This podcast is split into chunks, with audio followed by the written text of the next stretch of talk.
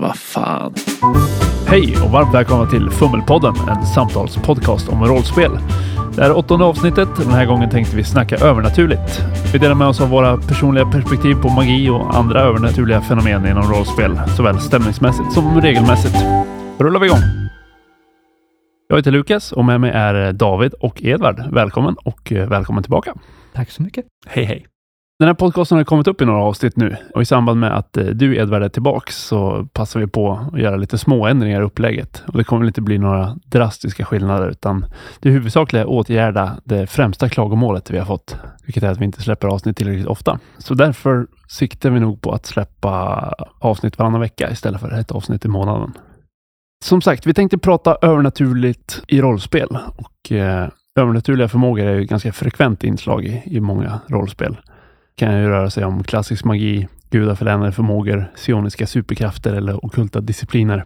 Edvard, känns som du är något av en eh, magifantast ändå. Av alla dina karaktärer och kampanjer så är det väldigt få som inte har haft någon form av övernaturligt inslag. Eh, Vi spelar ju så pass mycket fantasy också. För mig så eh, känns det i många fall som att fantasy i någon mån definieras nästintill av övernaturliga inslag. Jag tror faktiskt att det gör det. Så att eh, jag skulle ju säga att väva in de övernaturliga inslagen i mina kampanjer och karaktärer så eh, länge man får någon form av eh, samspel med den fantasyvärlden man spelar i så höjer det inlevelsen och samarbetet mellan värld och karaktär. Därmed inte sagt att man behöver liksom med kofot bända in övernaturliga inslag överallt, men Nej. jag tycker det är ett bra sätt att förgylla rollspelandet. Ja, som sagt, på många sätt definierar ju det fantasy-genren egentligen.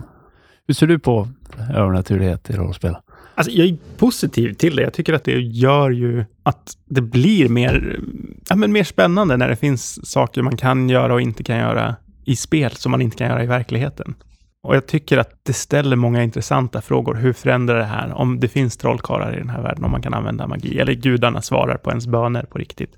Hur förändrar det tillvaron? Hur förändrar det människors inställningar? Vad blir viktigt? Vad blir mindre viktigt? Och, ja, jag tycker det förhöjer helt klart rollspelandet. Jag personligen är ganska restriktiv i min övernaturlighetsvurm, som alltid jag vill ha min realism. Och börjar man krångla till det för mycket med övernaturlighet, det får ju massa ringar på vattnet och det är risk att det helt sabbar den interna logiken i världar om man har för mycket övernaturlighet. Men samtidigt, det är som du säger, det är kul med de här möjligheterna som inte finns i verkligheten och, och på många sätt är det därför jag spelar rollspel. Så jag är inte helt anti. Det är bara att det ska göras snyggt och det tror jag nog inte är en särskilt kontroversiell åsikt egentligen. Nej, men jag håller med där. Och det, magi får ju gärna bryta mot regler vi har i våran värld eller i våran Men verklighet. inte reglerna som integreras i världen man spelar i. Exakt. De behöver ändå ha någon form av regler så att man vet det här kan man göra, det här kan man inte göra med magi. Jag tror också det är viktigt att just när man utvecklar en spelvärld att spela i, att man inte slänger in standard magisystemet, liksom det ska finnas trollkarlar, det ska finnas det här, det ska finnas det här, det ska finnas det här, för det är stereotypen av de övernaturliga inslagen. Det är bättre att successivt då försöka integrera detaljer som är övernaturliga, som passar i den man vill spela. Fantasy har ju verkligen ett ok av att eh, vara stereotypt. Oavsett om det är magi, då ska det vara trollkarlar med stavar och hattar. Och är det raser så är det alver och dvärgar. Allt är Tolkiens fel. Till viss del håller jag med, men jag tycker också samtidigt om man vill spela i en fantasyvärld där det är annat som är viktigare. Att okej, det finns alver, det finns dvärgar, det finns trollkarlar. Men jag vill fokusera på hur kommer det sig att det måste finnas massa äventyrare eller Gud har dött, vad förändrar det med världen? Alltså om det är något annat som är fokus, men man vill ändå bara ha en standard fantasyvärld, så tycker jag inte det är fel att man använder det. Det är sant. Och det är ju som allting. Klyschor har ju sin funktion. Men det är väl också just för att alver och dvärgar är så otroligt klyschiga som de är så lätta att slänga in. Samma sak med trollkarlar med Det blir ett paket. Ja, men precis. Det är en paketlösning. Det, det är väl det jag tänker att när man bara slänger på saker. Ja, men vi tar alver och, och trollkarlar för att det är bekvämt eller varför man nu gör det. Det går inte bara att säga att ja, men det är som medeltids-Europa fast folk kan trolla. Men det man kan säga är ja, men det är som en Tolkien-värld, fast mycket mörkare och elakare och orcherna är smartare och det Jo, finns visst. mer magi. Eller? Men det jag menar är att, och det är ganska vanligt förekommande med magi, då kommer ju det vara vanligt förekommande med magiska lösningar. Mm. Ja, Och har det varit det under lång tid, då är det många teknologiska framsteg som aldrig skulle Har behövt. ha behövts för att vi har magi istället. Tar man inte hänsyn till det, då tycker jag det blir orimligt. När en rollperson är den första som någonsin tänker att ja, men eftersom jag kan trolla hur mycket jag vill så gör jag helt enkelt en låda som kan kyla ner saker som man stoppar i den. Så kan jag sälja den för hur mycket pengar som helst, för alla vill förvara sin mat i det. Och sen har du kylskåp till hela fantasyvärlden. men jag tycker att det finns en intressant frågeställning i det där också. För det tycker jag är ett vanligt problem med många så här magisystem. Att man inte har ställt sig frågan, okej, här är de nya möjligheterna. Hur har det förändrat hela samhället? Då ska man ju också se till hur världen kommer se ut efter hundra år med de användningarna och sånt där. Ja, men det är det jag menar. Om mänskligheten har funnits i hundratusen år och magi har varit med hela vägen. Det är en helt annorlunda Ja, värld. men det är svårt Ja, också för att vi absolut. har ju pucken att ta sig över, och, vilket ju i våran värld är industrialiseringen. När man väl tog sig över den, då förändrades världen väldigt snabbt. Det är nästan som man måste leva i gränslandet när man tar fram ett sådant system där en sån revolution sker. Nu hackar jag på tolken nyss, men jag tycker där är ändå ett bra exempel där det fungerar ganska hyfsat. För att folk har inte magi. Det är bara några få utvalda. Det är liksom den här onda diktatorn som har någon form av magi som är lite obestämd. Man kan smida magiska grejer och se på magiskt vis. Jag, jag Ja. kan inte tillräckligt för Eh, att kunna uttala mig om Nej, det finns ju massa lore som jag inte har koll Men och Gandalf också, han är ju inte en riktig aktör i världen. Han är bara lite guide.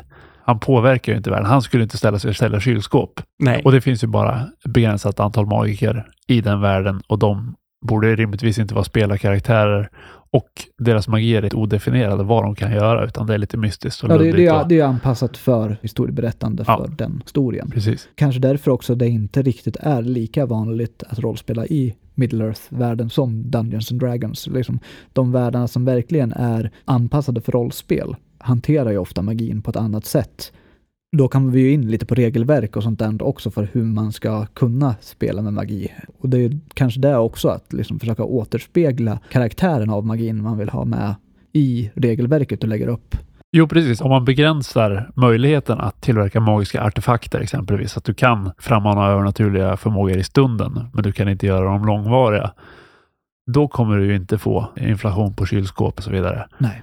Och dessutom är det lite mer sällsynt med magiker eller det finns någon form av eh, kulturell uppfattning att magi är farligt och ondskefullt. Får du inte heller samma inflytande från magin i alla fall. Då ska man ju också liksom börja se på religion om man ser till uh, hur karaktärerna i världen ser på det övernaturliga. Och just om du sa att magiker är sällsynt, folk kommer troligtvis reagera på dig med vördnad eller skräck på ett annat sätt än i en spelvärld där det finns mikrovågsugnar och kylskåp. Ja, jo det är sant. Men det är när om man spelar i världar som inte har tänkt på att begränsa magins inflytande överhuvudtaget, men världen ändå ser ut som våran, då måste man liksom stänga av stora delar av hjärnan för att kunna spela överhuvudtaget, känner jag. Mm. På många sätt finns det ju nästan hårdare krav på fullfjädrad fantasy som utspelar sig i en annan värld att befoga sin magi och befoga hur det påverkar världen. Tar man våran värld, då kan man ju komma undan med ganska mycket ologiska saker. Och särskilt om man siktar mot en lite lägre målgrupp. Du tänker typ Harry Potter? Jag tänker typ Harry Potter. Ja, och någonstans så handlar det väl det här om att man ska köpa in på konceptet där. Och det gäller både Harry Potter fantasy och Sagan om ringen fantasy. Det här med att ja, om det finns en förklaring så kanske den faller sönder om man börjar undersöka den för noggrant. Alltså i Harry Potter så är det här att ja, vi trollkarlar vill vara hemliga och vi vill inte att alla mugglare ska komma och ta över vårat. Och, ja, man hemlighåller det helt enkelt. Och det där blir ju omöjligt om man börjar så här skrapa på det och tänka, men hur gör de? Har de så här Men in Black-apparater så att de kan gå och få folk att minnas fel? Eller ja, hur blir det? Och De, de har ju lagt in lite garderingar i den världen med att vissa bikaraktärer arbetar med att städa upp efter att någon har gått överstyr och sånt där. Men det måste ju fortfarande finnas massa Hogwarts truthers, ett svårt ord, Ja, som liksom jo, är så här, ja. ah, det är en massa magiker som håller på med övernaturliga grejer och städar undan. Jag menar, har vi folk som ifrågasätter eh, månlandning och 9-11, vad finns inte i Harry Potter-världen Jo, då? det, skulle- det lär ju finnas. Man kan ju ursäkta det med att vi aldrig får träffa några. Nej, att historien aldrig fokuserar på de detaljerna. True. Frågan är ju återigen målgrupp. Ja, För vilka förväntningar har man på en mellanstadieläsare. Ja, visst, men om du ser också övernaturligt kopplat det här när du slänger in vampyrer i en värld. Mm. Att de lever gömda undan alla men kontrollerar massa trådar och tar stackars människooffer obemärkt. Varför har de inte bara tagit över världen och har blodfarmar och gör allting precis som de vill? Fast ofta så handlar ju den typen av fantasy där det övernaturliga Skulle det inte vara coolt om det fanns ett hemligt sällskap med vampyrer i vår värld? Jo, det skulle det. Okej, hur bortförklarar vi det? Hur får vi det här att funka? Och sen så hittar man den nödlösningen man behöver. Och jag kan tycka att det är gott nog. För det handlar inte om vampyrer som tog över världen och har blodfarmer, utan det handlar om de här supermäktiga varelserna som lever i vårt samhälle, men inte styr det, utan har sitt eget så här, alternativa samhälle. Ja, jag tycker fortfarande att man måste tänka på det. Särskilt i rollspel eftersom du har spelare som du inte har kontroll över och det kan spåra ur. Om varannan spelgrupp du spelar i kommer på att vänta, det här borde vi kunna göra. Då kommer ju den världen vara paj. För att varför är spelarkaraktärerna de första som tänker på det? Ja, jo, Men men, det är väl då att du måste lägga in garderingarna. Den vanliga ursäkten är ju liksom antal, att mänskligheten är x antal miljarder. Jo, fast har du tusen år på dig att planera hur du ska ta över Men det, är väl världen. det, som, det är väl det de har gjort också i någon mån i många av dem, att de då styr världen, men bakom kulisserna.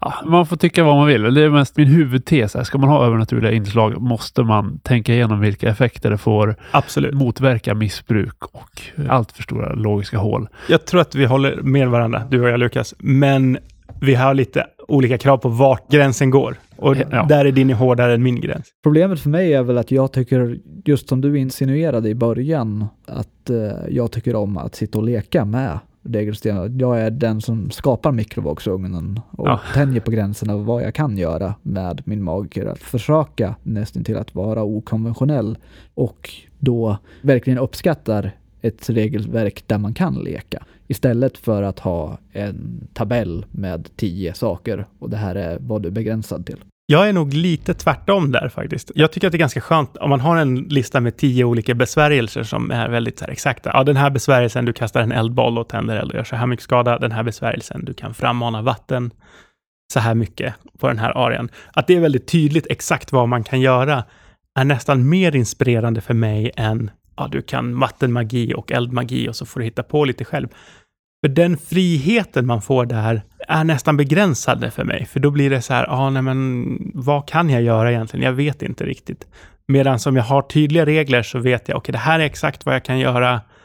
Nu måste jag hitta spännande och intressanta sätt att använda det här ganska begränsade redskapet på. Väldigt spännande, för eh, jag som sitter som tredje part och lyssnar på era två kommentarer på det här slås ju av att varje gång vi har diskuterat eh, världsbygge så har det varit helt tvärtom. Att du sitter och säger att du vill ha en öppen värld där du kan improvisera lite själv och få lite riktlinjer men egentligen vara öppen att titta på vad du vill och du jobbar mer efter att ha en ganska tydlig värld där det mesta är förutbestämt och allting ska vara inramat snyggt och prydligt. Och här är helt tvärtom. Ja. Så Ja. men eh, jag skulle väl kanske vilja förespråka en mellanväg där. För får man absolut inga riktlinjer alls vad man kan göra, då är det jättesvårt. Då blir man ju Ja. paralyserad, särskilt som en mindre kreativ spelare. Men personligen är jag ju inte så mycket för brädspelsrollspelandet. Men så känner jag ju för allting. Och det viktiga där är väl kanske att eh, det går ihop med systemet i övrigt. Absolut. Att om du har ett sjukt simpelt stridssystem, du kan slå eller parera, det är liksom dina val. Då kanske det blir konstigt att ha ett magisystem där ja, men du kan någon form av abstrakt elementmagi och du kan göra vad som helst med den, bara du kommer på någonting bra själv. Men att det ändå finns någon form av balans, att man har samma typ av lösningar, tycker jag ofta att det känns som ett snyggare system i så fall. Jag är beredd att hålla med. Men något som jag ofta känner när man sätter sig in i nya system, det är ju att eh, magisystemet ofta är frånkopplat från resten. Ett extremexempel är Drakar och Demoner, där ett tag var det ah, du vill spela magiker, här är din bok. Eh, här är liksom 250 sidor eh, magiregler och du måste välja. Och till slut så bara, ja, ah, jag tror jag tar krigen istället och slår saker. Ja, det känns som att i många system så är det så här, ah, här är rollspelet och här om du vill spela den mer avancerade och mer vuxna utgåvan så är det spela med magireglerna. Mm. Jag har inget emot att det finns väldigt mycket regler vid skapandet av magiken. Jag är däremot väldigt skeptisk till att liksom krångla till så att en strid stannar upp Ja. extra mycket när det är magikerns tur att kasta sin magi. Stör de andra spel. Det kanske är det som är den begränsande faktorn också. Det finns inte så många magiker i världen för att det är så sjukt krångligt. ja. Nej, men eh, jag föredrar nog när magisystemet påminner mycket om färdighetssystemet i övrigt, där alla kan spela magiker om de vill. Ja. Jag sitter och bara spyr ut mig subjektiva saker om vad jag tycker är bra rollspelsystem. Jag är beredd att hålla med. Sen, jag kan köpa att det finns system, och nu är det inte övernaturligt kanske bara, men där det finns mycket förmågor och man kan få grotta ner sig i hur systemen fungerar. Och då är det ofta kopplat till magi just att ja, men här är det mer komplext och här behöver man förstå själva regelsystemet på ett annat sätt för att vara så bra som möjligt eller så effektiv som möjligt, kunna göra de roliga lösningarna.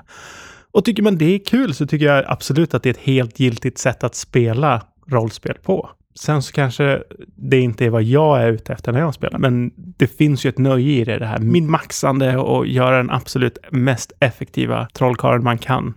När man sätter för snäva ramverk istället.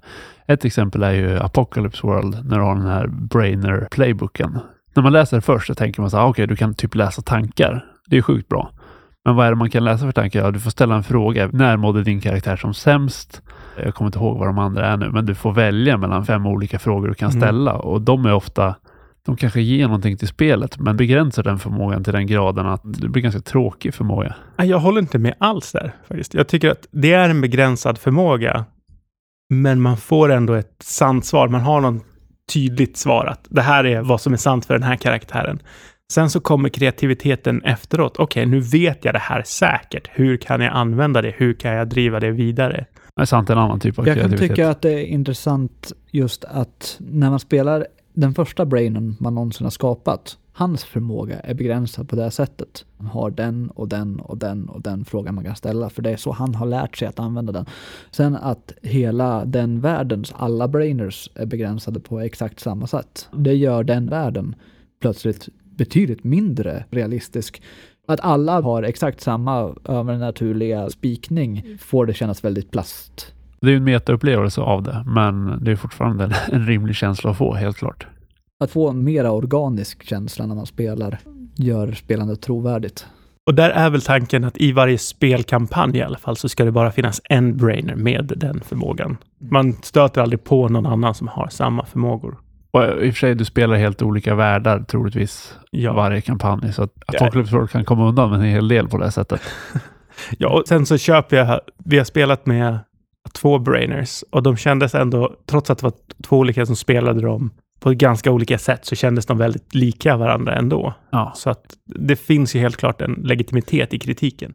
Det är väl det som blir mer med eh, det här supertraditionella eller eh, mer brädspelsinriktade, att allting blir eh, pepparkaksform baserat. Och ja. det är väl det som jag tycker är tråkigt eh, i rollspel personligen. Ja, det är väl där vi skiljer oss. Jag gillar pepparkaksformarna i nya sammanhang. Det där nästan jag skulle vilja ge en eloge till Harry Potter. Nu var vi ganska kritiska i förra vändan, men jag satt och tänkte på det nu. De är magiker, men deras yrken inom den magiska kommunen.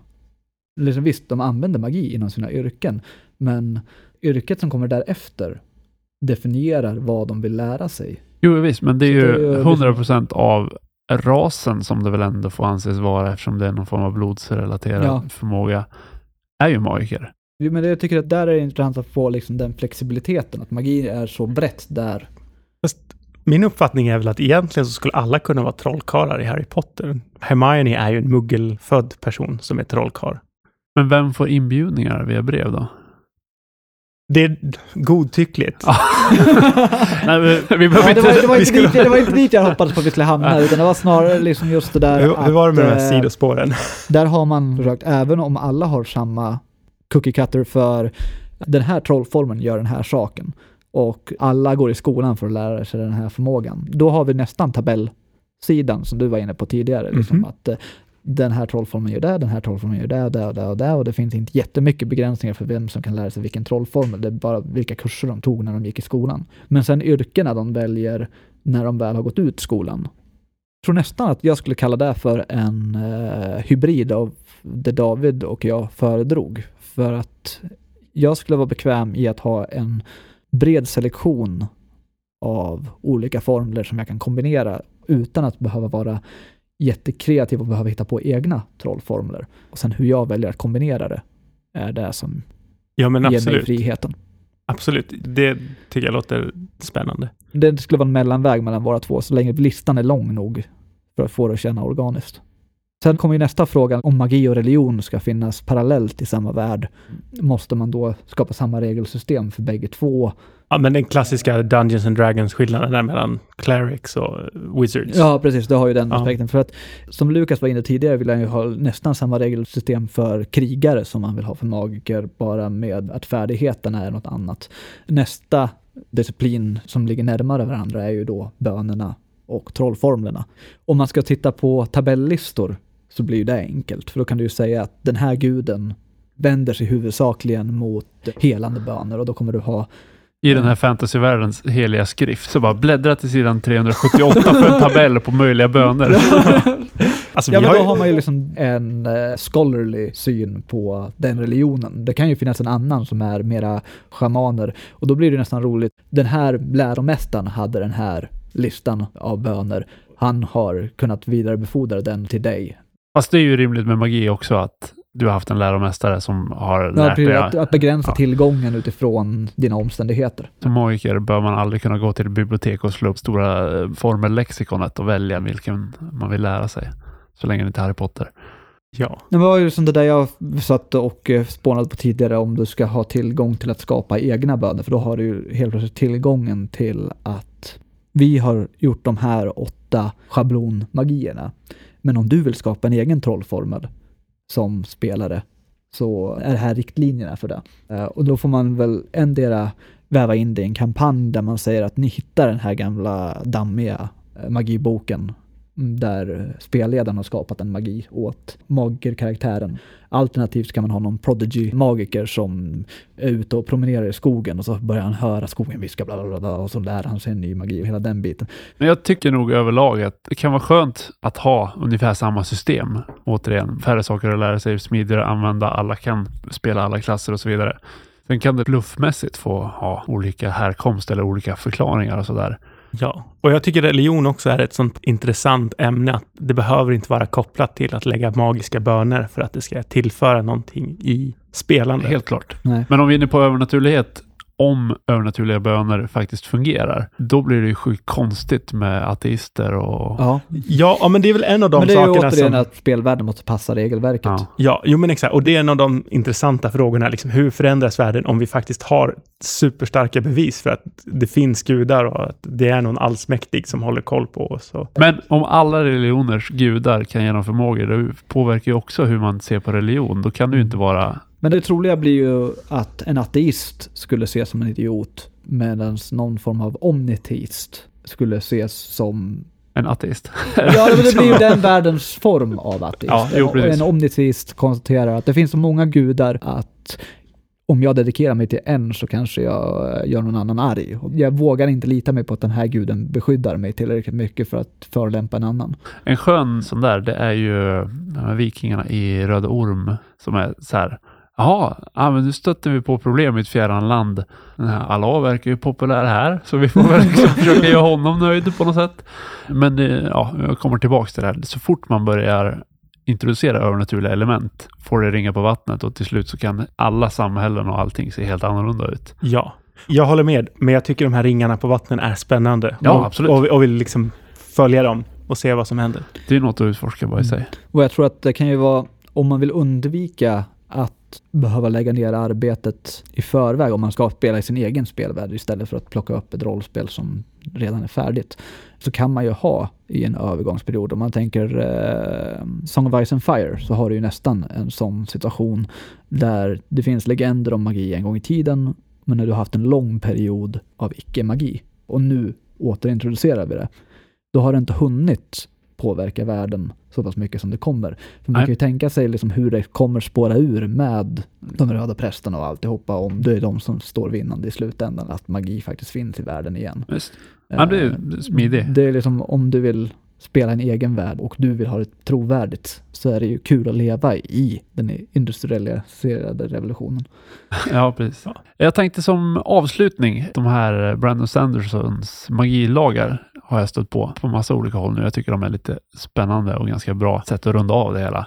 kan köra dem lite snabbt. Den första är att eh, om du sätter tydliga premisser för hur magin fungerar, då blir det tillfredsställande att lösa problem med magi. Medan om du säger att ja, men det är lite fluff och det fungerar på något mystiskt sätt, då blir det sjukt tråkigt när någon bara använder magi. Och den är lite mer så här, litteraturinriktad kan jag känna. Eftersom det handlar liksom om att lösa problem och det blir Deus Ex Machina och så vidare. Och det skulle aldrig vara tillfredsställande om en spelarkaraktär kommer in i en konflikt. Ja, Jag använder magi.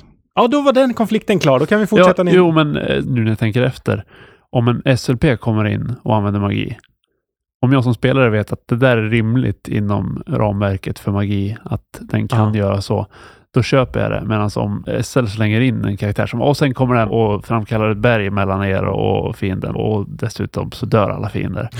Jaha, kul. Ja. Kul lösning liksom. Men det är ju också det där med att sitta som läsare och du vet att en magiker har en förmåga. Så sitter du där och blir mer och mer frustrerad i en situation för varje sida som går han inte använder den förmågan och du vet att du skulle Ja, lösa just. hela situationen. Medan som spelare så har du möjlighet, om det är en av dina medspelare som har förmågan. Gör Men gör Fireball då! Ja, Alternativt om du vet att en SLP som är magiker har en förmåga som skulle ställa till det ordentligt för dig i det. en situation. Då sitter du liksom och snälla kom inte på det, se inte det jag ser, se inte det jag ser. Då blir det mycket mer intressant. Jo, det, blir, det blir inte en frustrerande situation när du har makt att ge input. Och Den enda gången jag använt min fireball för att lösa problemen så blev det total party kill. Så att, jag vet inte. True. Den andra eh, av Sandersons eh, magilagar är att eh, det är alltid intressantare med begränsningar än kraftfullhet. Det är intressantare vad saker inte kan göra än vad de kan göra. Det är en Mm. ganska spännande riktlinje att ta med sig tror jag.